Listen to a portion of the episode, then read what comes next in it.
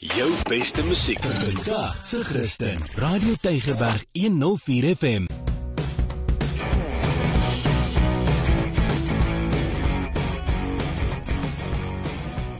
Welcome, everybody, to the testimony. I'm here with a very special lady. Her name is Jenny Pretorius. Jenny has got the most amazing testimony of God's re- redemption and His everlasting love. Jenny has been through so much turmoil in her life, being abandoned as a young girl, having her husband shot right in front of her, and she can still testify to the goodness of God. So, Jenny, tell us a little bit about how you grew up to lead you to the place of being abandoned. Um, my dad became very ill with cancer, and um, uh, he died, and my mom's whole life fell apart after that. I was nine, and um, she became involved with another person, a stepdad. He was very violent, and um, he was, uh, you know, awful to her and to us, obviously. And um, I think it just broke her inside. Oh, And eventually, she was able to leave him, but she wasn't able to keep us as a family together anymore. Me about the day that your mom abandoned you. How did that happen?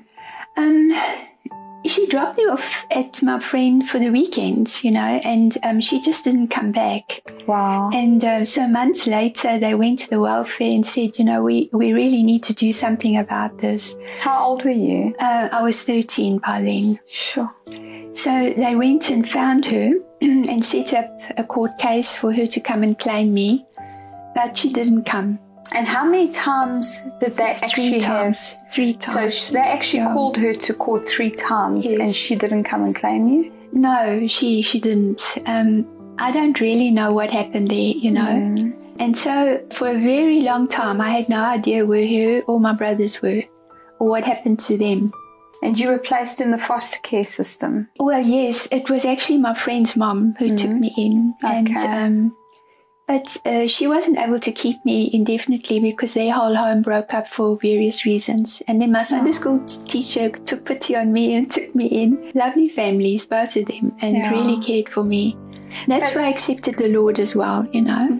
Uh, what happened was that the welfare interviewed me and said, Would I like to co- go back to my mom?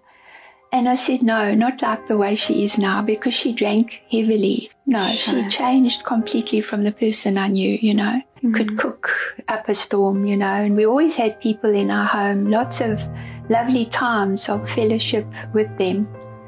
Um, so from that to this person that uh, was hardly sober, uh, it was overwhelmingly frightening to have this change of my mom. So I didn't just lose my dad, basically, I lost my mom as well.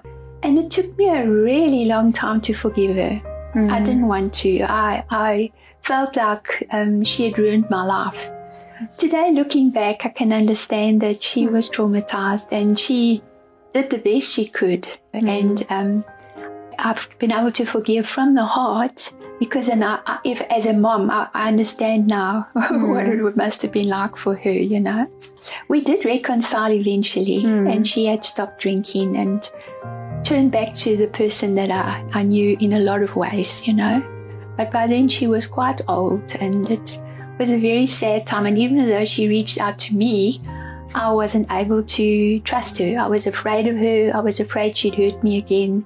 And today I regret that. So, Jenny, tell me a little bit about um, when you left school. What was your journey like after leaving school? They weren't able to let me finish my education. I didn't get my matric. Uh, I felt very shortchanged over that. I loved school, but it was the best they could do for me at that stage, you know. But I couldn't get a decent job. I couldn't get educated further. And um, so there was a lot of areas where I felt um, very angry at life and I, I felt like I wasn't worthy and that everybody else was better than me. I was angry at everybody. I had accepted the Lord, but I never really had any kind of relationship. I enjoyed being a Christian. I didn't, Yes. you know, it was just going to church. So, Jenny, tell me a little bit about when you met your husband. He asked to take me out on a Friday night, and I said, Well, you can meet me at the church where we have a youth fellowship. And um, he actually came. He'd never heard about salvation. He'd never heard about the love of the Lord and, and that type of thing. And it was such a shock to him, you know, to find all of this out. There was lots more girls than boys at the at the church, and so all this attention he was getting, you know. But eventually he accepted the Lord and he went to his pastor at that stage and said, you know, he, he feels he'd like to change and become a, a Baptist, which he did. And we served the Lord together. We got married. Well, we were married for 28 years, you know. So, Jenny, tell us a little bit about the night that you and your husband were hijacked. Um, we'd come home um, after being with my daughter and son-in-law. It had been his birthday, and we'd come home, and um, it was about ten o'clock. And we pulled into the driveway, and I bent down to fetch my bag, and um, he got out to open the gate. We'd actually just put the gate up. We hadn't really bothered with too much security before then, and so it wasn't on a remote yet. It was still, you know, manually done. And as I bent down, I felt somebody jump in the car next to me, and it was one of the hijackers. And um, I looked up, and there was another man with a gun to my husband's head at the gate. And this man said to me, Give me your, your bag, which I did, and he said, Now get out. And I opened the door, but before I could get out, this other man had marched my husband around and pushed him down next to me. So he was sitting with his back sort of near my leg, you know. So I actually couldn't get out. And then this man just proceeded to empty the gun to him at point blank, like this type of range. And um, even after there were no more bullets in the gun, he was still clicking. And this man shouted at him, and then he stopped and he pulled my husband away, threw him down on the ground, and pulled me out, and they rode off even though he had all those wounds, the bullet was, was a type of bullet that ricocheted all through his body. Wow. So every vital organ, except in his heart, was almost shredded the way it went through his body. So he had to, he had to have many operations. Um, the first week was wonderful. He, he actually seemed to be, uh, you know, recovering. And then his kidneys collapsed and then his spleen. And that's how it went, you know. And he actually survived for six weeks. Mm. But then he, he got pneumonia and had a heart attack and passed away. They said if he could make the first week initially, he would be fine. And um, it certainly seemed like that way. Um, I I stayed in, in the hospital for most of the time. My friends just they were amazing. They brought me food and clothes, and I just showered there. And what I said to the Lord was, please just give me something to carry me through this time. And He said, you and your family will go through a metamorphosis. And uh, to this day, um, it means a lot to me, that whole process, because that's actually what God's done.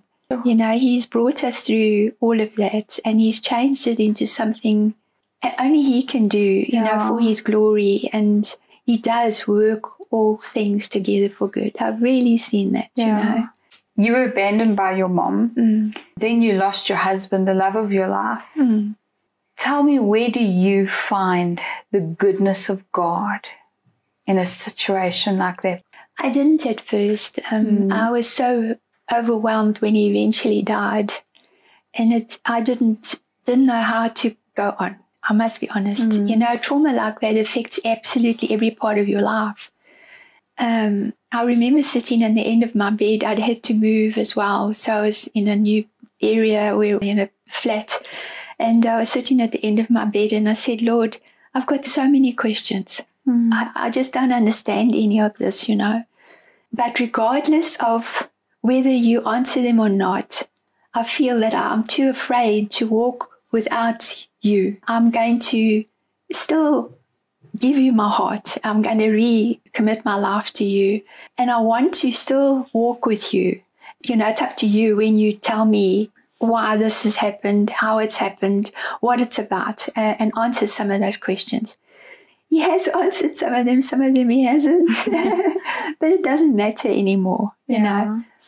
And um, I think it was about three days later, and I felt a wonderful peace when that happened. But mm. um, they robbed the Pick n Pay downstairs from where I was staying, and it was all the same sounds, the um, shooting. I became totally overwhelmed. I couldn't think straight. I was, I was crying, I was shaking, and I knew I had to phone somebody to help me, but I couldn't read any of the numbers, and I, mm. I was completely out of it. And I just fell on my knees and said, "Please, Jesus, help me." And the next thing I realized, I thought, wow, something different.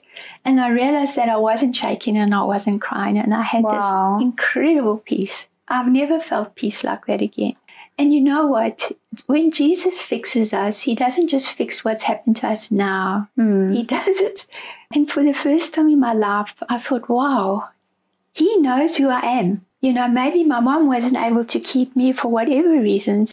And so when he answered me like that, I thought, that's amazing. Only God could have done that for me to take that complete panic attack away and actually give me that incredible peace. And um, it gave me so much hope that I can actually do this because he knows who I am. Tell us a bit about your move to England for a season in your life. I'd watched Ellel Ministries um, minister, and I said, "Yes, I'd like to do something like that. So I called Ellel Ministries in Pretoria and I spoke to a lady called Debbie. And I said, Do you have a, a training program? She said, No, we've only just started, but we do that in the UK where they, they train you, take your life apart by taking your life apart piece by piece, sending you Wow. out in teams. And that's at our flagship school in, in, um, in England. It was eight and a half thousand pounds for the first two terms. Sure.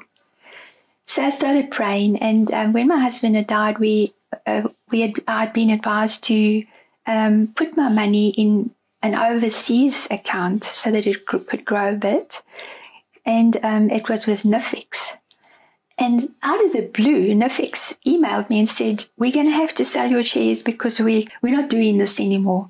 And um, I asked them to sell them for me and to pay Ellel for me with the money they got, which they did Yes. and the balance they put into account for me. So I was able to go.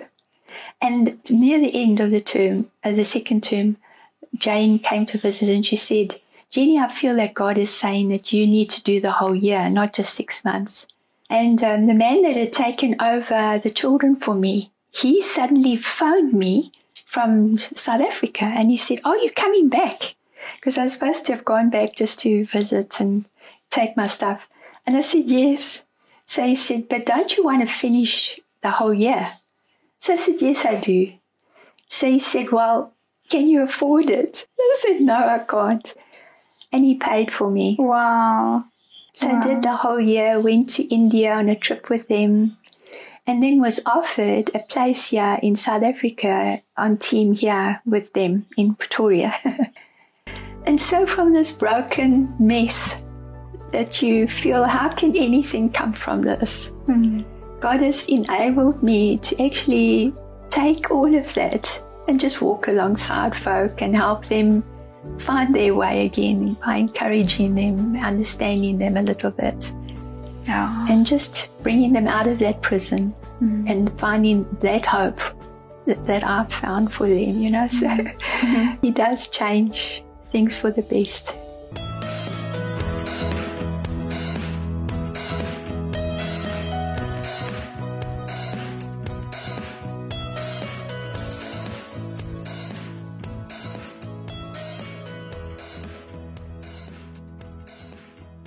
Beste musiek vir vandag se Christen. Radio Tygerberg 104 FM.